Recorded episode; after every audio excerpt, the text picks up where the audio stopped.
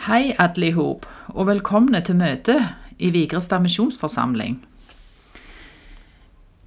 Jeg er bedt om å ha et lite åpningsord, og da har jeg tenkt at nå er vi i ei spesiell tid, der vi ikke kan samles sånn som vi pleier. Da er det flott at vi i alle fall kan møtes digitalt. Vi opplever en spesiell situasjon i samfunnet og i verden akkurat nå.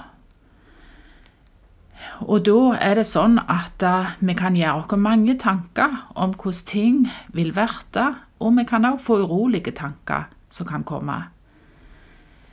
Det som jeg har tenkt mye på da, i denne tida, det er hvor heldig jeg er som kjenner Jesus. For jeg får kjenne på en sånn trygghet og glede på grunn av at jeg vet at jeg aldri går alene. Og da, midt oppi alt det som kan gjøre en urolig, så har jeg kjent på en sånn takk.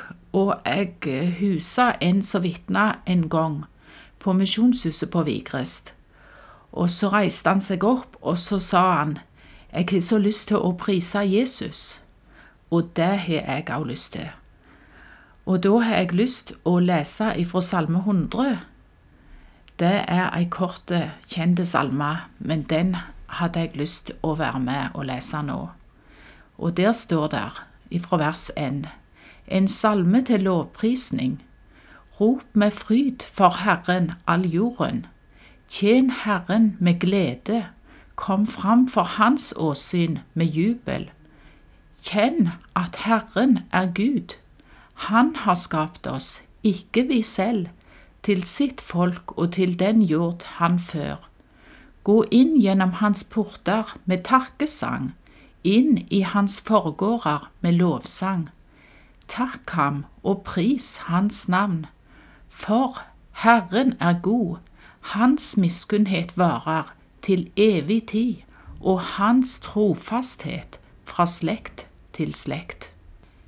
Takk, Jesus, for at du er trufaste, og takk for at vi kan alltid få komme til deg med både vår tvil, tru, angst og uro.